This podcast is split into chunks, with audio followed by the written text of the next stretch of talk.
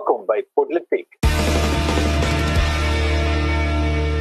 Ek is Daniel Elof en saam met my in die ateljee vandag is Paul Marits en Erns van Sail. En in vandag se episode.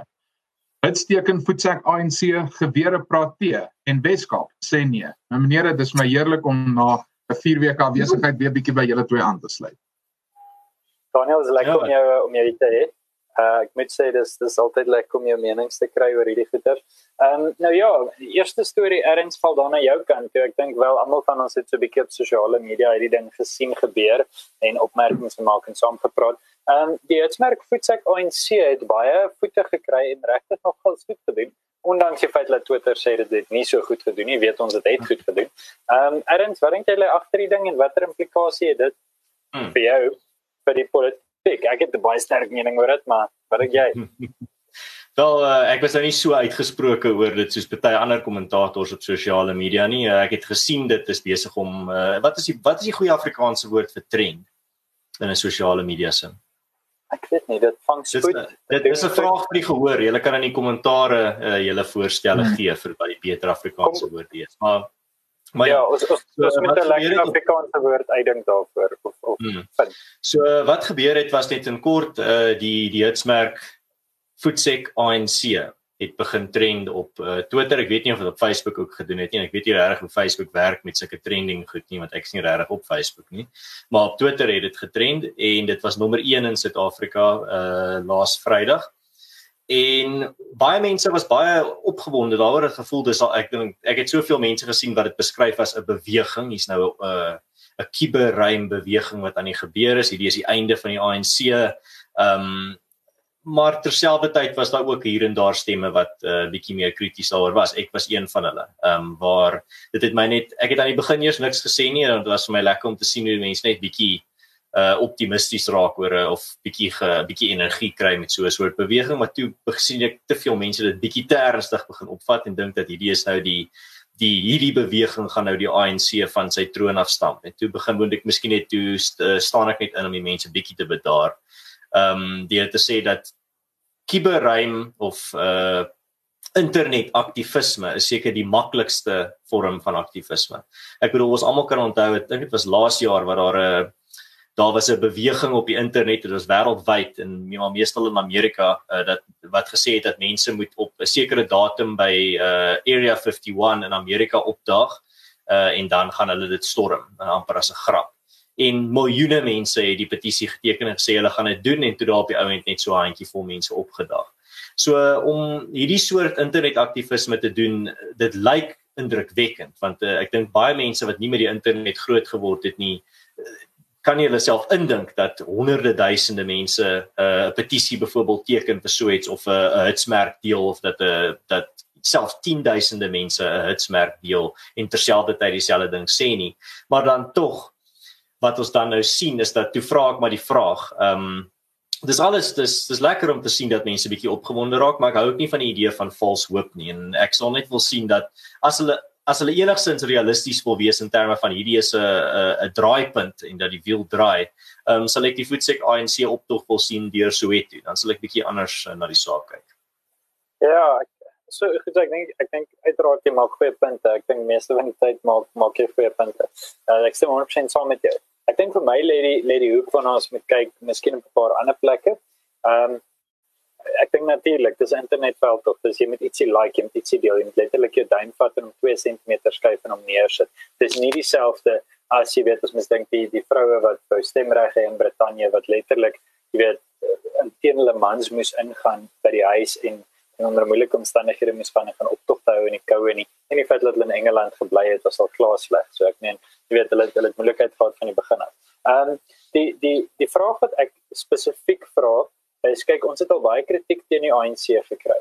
Die ANC dink ek was baie slim destyds om die hele Nkandla storie 'n Zuma storie te maak. So dit was van die begin af was mense nie noodwendig anti-ANC nie. Die gedagte was luisterie, die hart is goed, maar die hande is sleg. Jy weet so, dis Zuma, Zuma must fall, Zuma must dead, Zuma must die.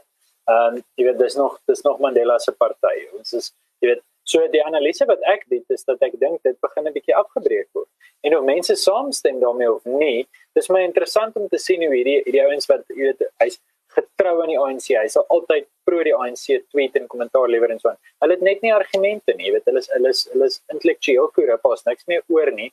Ehm um, hulle of in in intellektueel bankrot bedoel ek eerder hulle is intellektueel korrup ook baie van hulle maar en dan intellektuele bankrotskap jy weet nie meer wat om te sê waar om te draai om om te antwoord hoekom stem jy nog vir die party ek weet dat daar mense is wat en dit is al in soveel woorde vir my gesê en ek vermoed julle dieselfde ervaring al gehad daar's mense wat lewenslank vir ANC sal stem en dit is net net basta dis hoe dit is want hierdie mense het ons vryheid gegee hulle het my stem lewenslank en dis wat is dis, dis die een ding wat ons moet onthou En die ander ding is dat ek dink in Suid-Afrika dit nee, ek dink dit nie ons sien dit.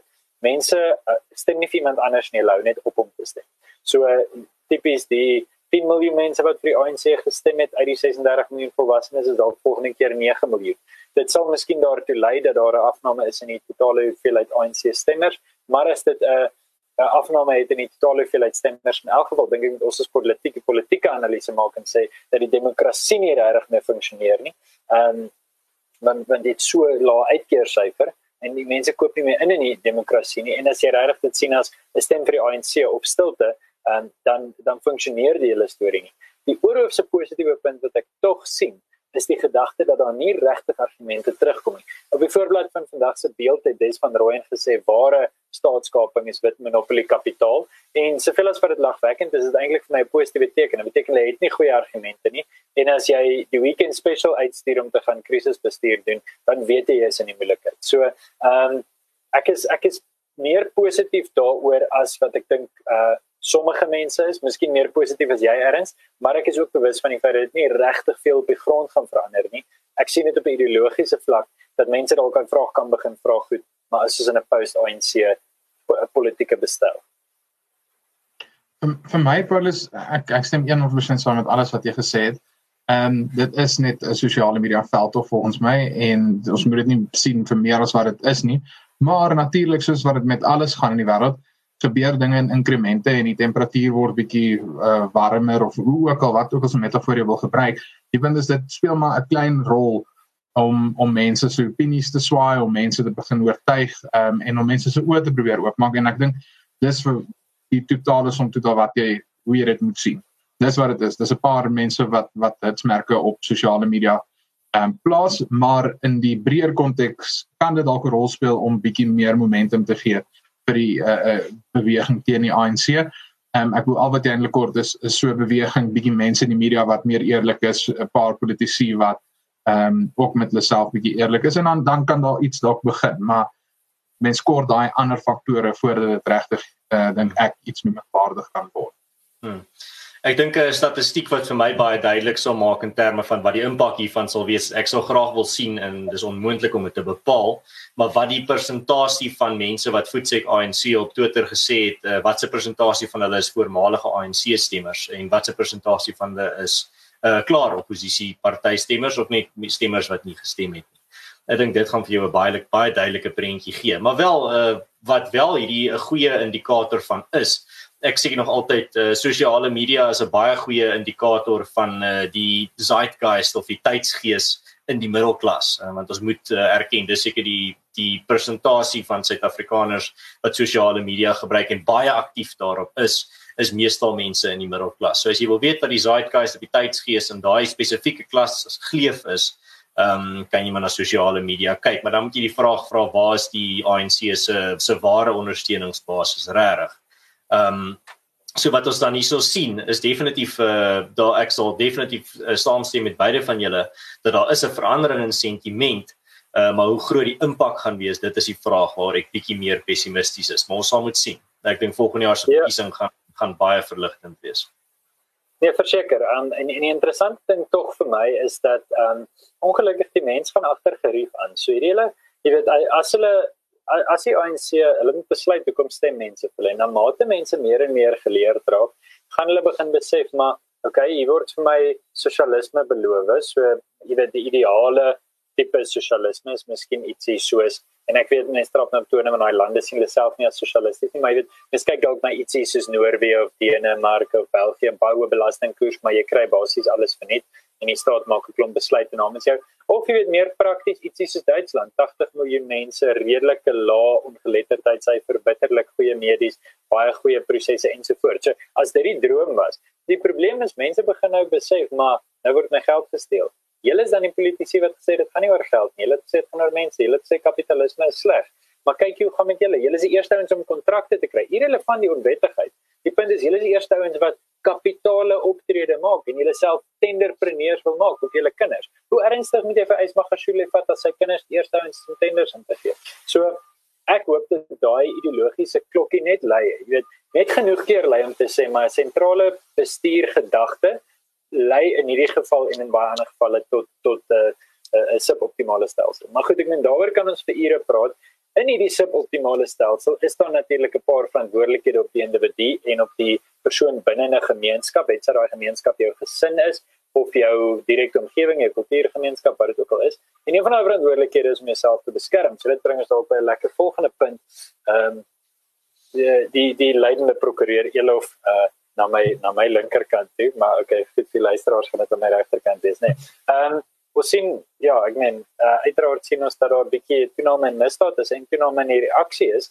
Ehm um, ja, ek wou sê wat ja, dink jy daaroor? Ek weet wat dink jy daaroor? Nee, maar die die die die interessantheid soos dat dit nou maar gewoonte geword het by politiek, uh, ek weet ons baie keer 'n uh, nuus gebeur wat ons bespreek, maar op die einde eindig dit maar altyd op by 'n uh, tipe van 'n filosofiese breër gesprek oor oor die die onderwerp of oor die tema. En in hierdie geval het ons die afgelope 2 weke 'n hele paar insidente gesien van Suid-Afrikaanse burgers wat hulle reg om 'n vuurwapen by hulle te dra gebruik het om nie net hulle eie lewens nie, maar verskeie ander mense se lewens te beskerm. Ons weet Suid-Afrika is 'n land met ongelooflike hoë uh, gevalle of hoë uh, statistiek van geweldsmisdade. Ons het verskriklike hoë moordsyfer, verkrachting, uh kapings al hierdie verskriklike dinge is Suid-Afrika kraai ons in koning. En ehm um, ons het ons het ek dink 2 of 3 weke terug gesien dat uh Joos van der Westhuizen die voormalige Springbok rugby speler se broer het in 'n kerk uh um, die die die gemeentelede beskerm deur rowers wat daar uh, die kerk aangeval het uh het hy hulle geskiet. Uh daar was 'n geval nou vandag of gister in Durban van 'n vrou wat uh, huisrowers uh, weggejaag het deur haar vuurwapen te gebruik en daar was vroeër hierdie week 'n geval in die Centurion inkopiesentrum waar daar by 'n juwelierswinkel uh, rowers was en hulle suksesvol weggedryf en selfs noodlot noodlotte geskiet.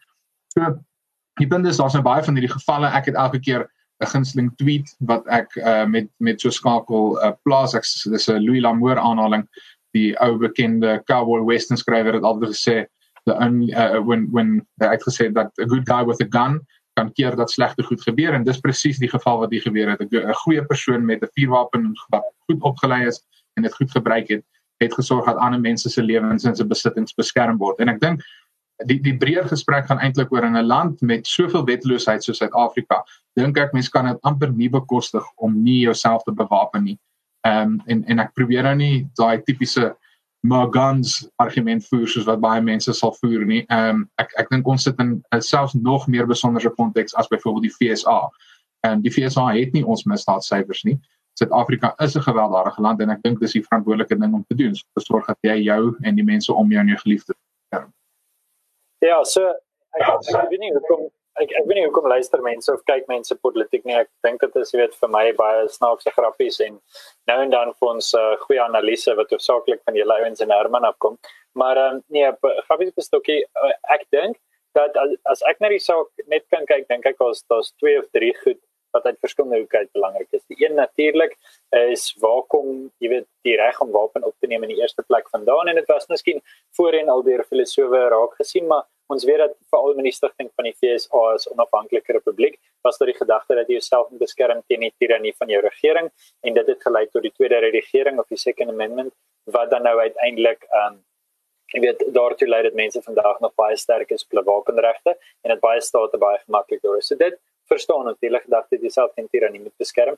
Die verdere gedagte is die hele idee van individuele regte wat binne die liberale tradisie en in die um, gemeenskaplike kan ek sê meer behoudende konservatiewe tradisie bestaan dat jy moet uh, jouself kan beskerm en met jou mense en jou geliefdes kan beskerm. Um iets wat nie in in oppositie staan met met die Bybel of enige van die ander dominante wêreldgelowe nie. Um maar 'n punt wat ek dalk wil maak is meer 'n uh, kan ek amper sê wiskundige punt. So as ek dit analiseer suiwer as 'n wiskundige vergelyking, dan moet dit tog sin maak dat wanneer jy um in in 'n konflik ingaan dan in meeste gevalle wil jy die gro groter as tekentjie um na jou kant toe wys. Bedoel net die groter kant na jou toe wys. En jy wil groter mag hê as enigiets wat jou bedreig. Um jy moet sekerlik 'n groter inkomste verdien as wat jou uitgawes is of as wat jou paemente en wat ook al is per maand. Dit maak net logies sin. Dan sou dit volg dat die logiese argument is dat jy sterker mag moet hê as wat die persoon wat jou gaan bedreig gaan hê. En wanneer daar 'n hoë waarskynlikheid is dat die persoon wat jou lewe gaan bedreig 'n wapen het, dan maak dit tog ook logies en wiskundig sin om te sê maar dan is jy weet dan behoort jy 'n wapen te hê. Dit kom op die punt wat 'n klomp regtig intelligente mense sê nee maar wapens is sleg en dit en dit en nie van 'n metafisiese vergelyking en verduideliking van die heel al dis sinneloos. Ehm um, logika en wiskunde in jou brein sê vir jou wapen goed. Beskerm jouself. Dankie. Dit is dis dis my dis my wiskunde analise op daai ene. Ja, uh, Paul se se teses met die titel groot stok goed. So yes. So ja, ehm um, vir my is dit ehm um, my kommentaars baie kort hierop en ek dink uh, julle altoe het al eintlik grootliks gesê wat ek wou gesê het. Vir my gaan dit oor die hoe 'n vuurwapen en die die om jouself te kan beskerm, hoe dit jou vrylaat en hoe dit jou los uh, losmaak van enige van die omstandighede. Wil jy nie meer net 'n slagoffer is van omstandighede nie, maar jy kan aksie neem en jou lot in jou eie hande inneem. Ehm um, ek dink dit is uh, as jy 'n vuurwapen 'n uh, lisensie het en jy het jou vuurwapen, stel dit jou in staat nie net om jou eie gesin veilig te hou en jouself veilig te hou nie, maar dan ook uh, jou gemeenskap veilig te hou. En dan kan jy ook betrokke raak by byvoorbeeld 'n buurtwag of by 'n soortgelyke ehm um, soortgelyke aktiwiteit en jy gaan van baie meer waarde wees want jy kan dan uh, as jy ooit in 'n ek hoop nie enigeen van so uh, enige wat wat by 'n buurtwag aansluit is ooit in die situasie nie maar as jy ooit in daai situasie kom waar jy met iemand moet uh, in 'n vuurgeveg uh, ingaan uh, ten minste het jy dan uh, is jy op 'n gelyke voet met hom. Uh, andersins waar jy waar jy andersins miskien uh nie reg enigiets sou gehad het jy en jy gaan maar jou 'n uh, peperspruitjie moes gebruik het tot die beste van jou tot die beste wat jy kan. Maar ja, dis my uh, dis my gedagtes daarso. Ehm um, Ja, as ek uh, as ek sommer net kan wegspring met 'n volgende gedagte, ehm um, en miskien 'n derde lekker storie wat ons kan bespreek en wat ek wil ons moet na kyk, is die die oppositie wat ons uit die Wes-Kaapse regering uit sien. Ehm um, op teen teenoor spesifiek drankwette in in COVID-19 en in die inperkingstyd. Nou, laat ek net 'n bietjie agtergrond gee oor hoekom hierdie storie vir my interessant is en hoekom dit moet werd is om dop te hou. Ehm um, ek het en ek het ek doen dit gereeld, ek steek dit nie weg nie. Ek hou gereeld op politiek vir Samuel Huntington aan wat sê dat die die groot twiste uh, na die koue oorlog gaan wees waar kulture met mekaar grens, waar daar fisiese grense is wat ideologiese grense verteenwoordig. Hy verwys tipies na die skeidingslyn tussen Servië en Bosnië. Hy verwys tipies na die lyn tussen Arabiese en Christelike Afrika en hy het selfs in die middel 90's gesê dat 'n muur tussen Amerika en Mexiko moontlikheid is. So dis ou wat ek ek dink op sekere punte verstaan dit nie alles wat hy gesê het is foutloos nie en ek dink hy het 'n paar mistastings gemaak. Hy het al nie dink ek heeltemal China se opkoms gesien soos wat dit gebeur het nie, maar in elk geval, die punt wat ek wil maak is Ehm um, ons sien nou in Suid-Afrika die interessante ding dat daar meer en meer rekeninge oppop op op Twitter en Facebook en dat daar meer en meer gesprek is oor 'n onafhanklike Weskaap. En ehm um, ons het ons het nou van van Dr. Corneille Mulder van die Vryheidsfront Plus het ons 'n artikel gesien verlede week wat sê dat 'n uh, onafhanklike Weskaap kan 'n patroon vestig vir die toekoms van Suid-Afrika. Ehm um, dis weet natuurlik dat ja, ek ek dink die breër gedagte is nie net dat die Wes-Kaap afstig nie van die Vryheidsfront se kant af nie, is dalk meer 'n federale regeringsstelsel oor die algemeen. Ehm um, nou goed. Nou gaan die Wes-Kaap en sê julle as regering, julle as sentrale regering, julle as ANC regering, julle is besig om die drankindustrie wat die wynbou-industrie natuurlik ten sterkste insluit, 'n ernstige knout toe te dien. Um, en ons kan nie net daarmee saamgaan nie. Dit is dit is vir ons is te swaar las om te dra. OK, goed. Um, uiteindelik dink ek so ek ek het ek het 'n paar artikels gelees oor hierdie, maar Ellen Windy se spesifieke woorde, hy het dit in Engels gesê maar ek vertaal sommer van hy het gesê die impak van hierdie tydelike verbod ehm um, het nie net op die op die landelike en die plaas plaasgemeenskappe geval nie, maar ook op toerisme en gasvryheid en en die gasvryheidssektore. Ehm um, en en so wat hy effektief sê is die ek meen dis die Weskaap, dis 'n toeriste mekka wêreldwyd. Nou jy skielik kan hulle glad nie doen wat hulle veronderstel is om te doen nie. Hulle kan nie uh, oop is nie, hulle kan nie funksioneer. En die breër tema hier agter is dat wel weer eens sentralisme is sleg, welkom by politiek, sentralisme is sleg, maar dat ehm um, dat die ANC regering absoluut blind teen gaan en dat dit vir die Weskaap net onuithoudbaar is. Hulle sê nee, ons gaan dit nie vat nie. Ehm um, en dis my goeie teken. Ek dink dit hopelik uh hopelik gee hulle lekker druk en en kry hulle wat hulle wil hê in die kort en in die lang termyn. Wel ek ek dink dit is weer, weer eens dis een van daai tipiese gevalle ons het die nuwe storie wat gebeur en dan dan op die ouene gaan dit na die breër filosofiese uh konsep wat wat onderliggend is aan alles en ek dink uh, die die hele gesprek oor federalisering in Suid-Afrika kan natuurlik natuurlik in verskillende skakerings gebeur. Mens kry die mense wat die die free independence Kaapenaars en ek weet nie of jy noodwendig jouself ehm um, daar skaar nie maar maar die mense wat glo die hele Weskaap behoort onafhanklik te wees, dit 'n unieke geskiedenis ehm um, die die unieke demografie en dis behoort die hele Weskaap sy eie onafhanklike land te wees. Maar dan sou natuurlik ek weet ek wil nie net sê dis meer gematig nie, maar die ander skakering dat Suid-Afrika 'n regte ware federalis gefederaliseerde stelsel aanneem en ek dink dis waarskynlik wat die DA ehm um, vermik iets soos dat dat hulle sê meer mag moet toegeëien word aan die provinsiale regering.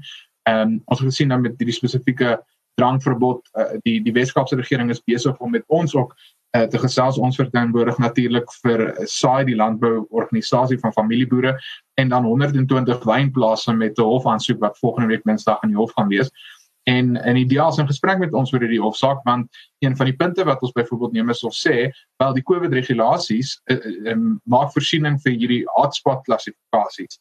Ehm um, maar byvoorbeeld die COVID regulasies maak nie voorsiening dat sekere gedeeltes van die land uit uh inperkingsvlakke kan gaan. Met ander woorde die Weskaap wat al meer gevorderd is, kan op 'n manier sê wel oordat hulle verder af op die kurwe is, kan hulle nou weer drank toelaat. En ek dink die belangrike punt is jy kan hierdie klein hofoorwinning moontlik gebruik waar hierdie beginsel bevestig word wat sê ja, dis rasioneel dat die Weskaap uh in hierdie omstandighede hulle eie regulasies volg of hulle kan na 'n laer vlak toe gaan want hulle is op 'n ander punt. En ek hoop dit maak die deur oop vir later dat ons meer goed begin sien wat op provinsiale vlak gebeur. Uh want die punt is dit maak tog 'n verskil. Ons weet dat uh gesondheidsdienste in die Weskaap is beter en anders as die res van land. Dis nie perfek nie, die ideale regering dink ek slat nie perfek nie.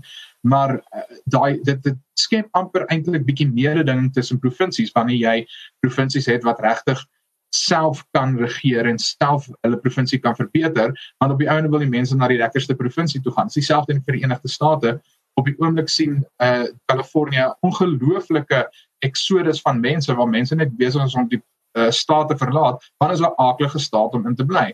Nou dit was aanvanklik 'n wonderlike plek om te bly, maar nou gaan mense na 'n lekkerder plek soos Texas waar hulle met lekker bier kan drink en olie kan boor. Die die punt is ek dink federalisering kan lei tot meer mededing tussen die provinsies en ek dink hierdie is 'n stap in die regte rigting dat 'n groot party soos die DA vir dieselfde ding vra. Hmm. Uh ja, ongelukkig daai Kaliforniërs wat uh, migreer na ander state toe, ongelukkig vat hulle hulle politiek saam met hulle. Um, en dit is besig om eintlik nogal die gas te saai in die, in die Amerikaanse politieke stelsel. Hmm. Maar ja, ehm um, dan nou jy daag gevra of jy het uh, aangeneem ek is 'n groot ondersteuner van hierdie beweging aangesien ek 'n ex-Kaapse rebel is. Maar vir my, ek het al op my program, uh het ek al baie oor gesels. Ek het met Phil Craig gepraat uh wat betrokke is by een van hierdie bewegings. Ek het al met Jack Miller in persoon gepraat. Uh, ek ek hou die beweging baie noukeurig dop, maar ek is baie huiwerig om al my my al my osse aan dit uh aan dit vas te haak. Want uh, ek het al genoeg geskiedenis gelees om te weet dat uh 8 uit 10 keer is sessie saak 'n uh, bloedige en gewelddadige affære want elke want sessie is behels die mag wegvat van 'n uh, ander identiteit af en in hierdie in hierdie sin is in ons geval is dit die ANC. Ek kan nie regtig sien hoe die ANC uh, die ekonomiese engine van die Weskaap net so op prys gee en daai groot stuk landmassa ook net prys gee nie. Dit is uh, vir my nogal 'n 'n groot storie om te glo. En dan tweedens uh, het ek nou al baie keer as want baie keer vra mense op my program byvoorbeeld in die kommentare wat dink ek hiervan want soos jy Daniel ook uh, uh aangeneem het neem hulle ook aan ek is 'n groot uh ondersteuner daarvan en ek is 100% agter die beweging. Nou ek hou hulle nou keurig dop en ek uh definitief 'n groot uh bewondering vir hulle dapperheid uh, maar op daai selfde noot en ek hou van enige anti anti establishment beweging wat daar is. Maar terselfdertyd ook vir my uh, moet dit moet hierdie mense ook besef dat as hulle teen 'n monster soos die ANC gaan, die leiers van hierdie soort bewegings gaan absoluut van staal gemaak moet wees en hulle gaan ys in hulle are moet hê want die ANC en en ek sê dit altyd mense hou nie af van as ek dit sê nie want dit klink baie baie baie donker en baie pessimisties maar ek moet vir mense waarsku ek wil hê mense moet vir lewens moet vernietig word nie. Maar die leiers van hierdie beweging moet verstaan dat die ANC as hulle enigsins momentum kry gaan die ANC hulle lewens absoluut help die ANC gaan uit hulle pad uit gaan om seker te maak dat jy as jy so 'n leier van so 'n beweging is ehm um, dat hulle vir jou gaan probeer ontmoedig maar nie net met uh, lelike boodskappe op sosiale media nie 'n paar baie erger goeters so vir my eerder wat ek dink die die beter ehm um, benadering is wat ek probeer vir mense sê is dat uh, presies eintlik nou wat jy daar genoem het die die tema van hierdie hele storie van die Weskaap wat eintlik maar net vir die res van die land sê ons is nou klaar met hierdie vernietigende beleide dis ek dink eerder hulle mense moet fokus op 'n 'n kopskuif 'n ander mentaliteit 'n mentaliteit van eerder hulle hulle provinsie meer minder afhanklik van die ANC maak en bietjie meer van hulle eie besluite begin neem en bietjie meer van 'n mentaliteit aanneem van uh, ons gaan nie net dat die ANC vir ons by die afgrond aftrek nie. Ek dink dis eerder waar hulle moet begin, begin baie klein. Ek sien bietjie te veel mense wat nou al begin dagdroom oor die versierings op die koek, maar hulle het nog nie eens die koek gebak nie.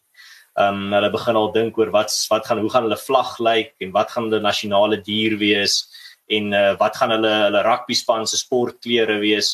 Ehm um, terwyl die die groot geveg is nog eers is nog eers het nog eers begin nie. So ek sal bietjie ek ek hou dit nou keerig dop soos ek sê, maar ek sal graag bietjie wil sien dat uh, mense realisties oor die beweging is want jy gaan realistiese koelkoppe nodig hê as jy enigstens hierdie uh, wonderwerk wil uh, laat gebeur. Maar uh, as jy en en miskien dis voor gaan afsluit. Uh soos ek vir die mense waarsku van ja, die, hulle gaan baie teenspoed en uh, oppositie ervaar en die ANC gaan vir julle kom as jy bereid is om daai las te dra en jy is bereid om daai offer opofferings te maak en jou lewe toe te by te wy aan hierdie beweging het jy 'n kans om ten minste iets reg te kry. Ehm um, want uh sonder daai mentaliteit gaan jy definitief val. Jy gaan definitief niks reg kry. Maar as jy daai vasbyt uh ek ehm uh, uh determinerende uitkyk het en daai kop skuif en daai mentaliteit het, staan jy 'n kans en jy kan dalk iets uh wonderbaarliks regkry soos vele mense van julle kaliber in die in die verlede. Maar ja, dit is vir my 'n interessante kwessie en 'n baie interessante onderwerp, maar de, ek dink daar mense moet besop eintlik 'n tema wat ons aan geraak het vroeër in die episode. Mense moet besop vir te opgewonde raak oor vals hoop en realisties kyk, maar moenie 'n pessimis wees nie, wees eerder 'n optimistiese realist. Asai, ehm um, nou ja, uh, dankie vir dit Erns. Ek dink dit is weet uit die perd se bek oor daar in die omgewing groot geword het. Net interessant, die die stryd vir onafhanklikheid in Katalonië dink ek gaan nou al vir 180 jaar aan. Dit kan net 80 is, maar 1930s begin. Ek weet nie wat 1930 of 1830 was nie. In elk geval, ehm um, goed, so miskien is dit 'n goeie tyd vir ons om net so klein oogie oor die water te gooi. Uh Uh, presidentskandidaat vir die demokratiese party in Amerika Joe Biden het lankal beloof dat sy uh, dat jong presidentkandidaat 'n swart vrou sal wees en hy het toe besluit op Kamala Harris, um, wat van Kalifornië is, 'n stukkie land wat ons nou al klaar bespreek het vandag. Ehm um, en natuurlik is sy die vrou wat gesê het dat eh uh, vrouens wat klagtes van seksuele teistering teen Biden gemaak het, behoort geglo te word. So ek dink daai gaan 'n paar interessante ehm um, senaatsgesprekke wees. Maar hy het natuurlik nie iemand gekies op grond van vriendskap nie. Ons weet Donald Trump en Mike Pence het nie noodwendig veel in gemeen nie, maar dit gaan ja, maar daaroor dat jy iemand saam wolf nie. Ja, jy jy kies iemand wat wat kan ek sê vir 'n ander deel van die van die populis uh dalk aantreklik is om voor te stem. Uh net soos wat Donald Trump geweet het, hy is nie net binne self baie gelowig nie, toe kies hy een van die mees gelowige en konservatiewe adjunkt president kandidaate. So miskien het, het mense so 'n tipe gedagte hierso en natuurlik die hele rasse narratief wat deur die, die demokrate baie sterk gedryf word sedert Obama. Ehm um, Carols, ek is nie so ingelees op hierdie soos julle nie, maar my lees is dat dit dis maar 'n opportunisties eintlik 'n logiese skuif as ek moes raai sou ek Kamala geraai het 'n paar weke terug. Hmm. Ehm um, dis net vir interessant want uh, wie ook al Joe Biden sou kies is baie belangrik want uh, as jy kyk na sy uh, die die indikators van sy gesondheid is daar 'n kans dat uh, sy dalk die eerste vroue president gaan word maar nie as uh, omdat sy uh, ingestem is nie omdat sy die visie president was van 'n president wat net een termyn of nie eers sy eerste termyn kon klaarmaak nie.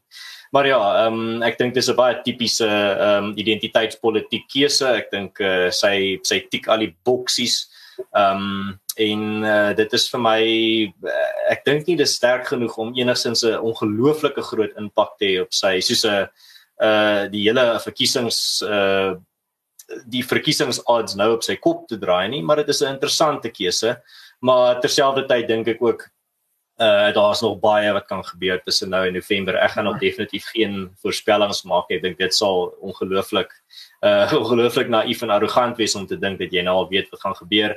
Uh wat die Amerikaanse ekonomie en die uh, werkloosheidskoers gaan doen in die volgende paar maande gaan krities wees. Uh maar soos ons nou in die hmm. vorige episode ook oor gepraat het, daar's 'n paar baie goeie tekens met ek dink in die vorige maand het hulle iets soos 1.8 miljoen uh werke geskep. So ons sal moet sien wat gebeur. Hmm. Ek dink nader nader aan die einde van Oktober gaan jy uh, ek sê nou nie 'n uh, paar dae voor die verkiesing nie, maar miskien 'n uh, bietjie dieper in Oktober en gaan jy 'n uh, baie beter idee hê van van wat aangaan en waartoe die wind waai. Hmm. Ja, ek stem saam met jou. Ernst, ek dink ehm um, dit is dit is 'n tipiese ehm um, identiteitspolitiek besluit van Biden af. Ek dink uh, dit hy, hy het van die begin af gesê hy gaan 'n swart vrou kies. En uh, sy was toe nou maar net die beste naaste en wat hy hy kon oortuig om saam met hom daar te wees. Ehm um, ons gaan sien natuurlik of hy onthou dat Kamala Harris sy presidentsiële eh uh, benoot is of of adjunk president kandidaat is want die arme man is maar redelik se nieuw. Maar ja, November dink ek gaan vreeslik interessant wees. Ek ek het vroeër vandag gekyk dat ehm um, Joe Biden het ek dink op die oomblik so gemiddeld van tussen 5 en 7% ehm um, voorsprong in die meningsopnames. Ehm um, maar natuurlik het ons gesien met Donald Trump is nie noodwendig iets wat jy altyd net ehm um, kan glo en net houtgerus oor kan wees nie want daar kan regtig enigiets gebeur. Uh, ek onthou Herman het het einde verlede jaar gesê wel een van die enigste goed wat kan sorg of wat sal lei tot Donald Trump se uh, oor wel dat Donald Trump verloor in die volgende verkiesings nie 'n tweede termyn sal kry nie, sal 'n ongelooflike groot ekonomiese krisis wees. En natuurlik het ons nie verlede jaar November geweet dat ons gaan in hierdie jaar sit met al hierdie inperkings en COVID-19 en en die ongelooflike ehm um, nagevolge van van hierdie inperkings nie. So enigiets is regtig moontlik. Ek dink jy moet verbaas wees as Donald Trump nie sy tweede termyn kry nie, maar ehm um, ek dink jy moet ook nie verbaas wees as Donald Trump 'n regtige politieke as uit die hoeke hoe tyd kan druk nie. Alrite.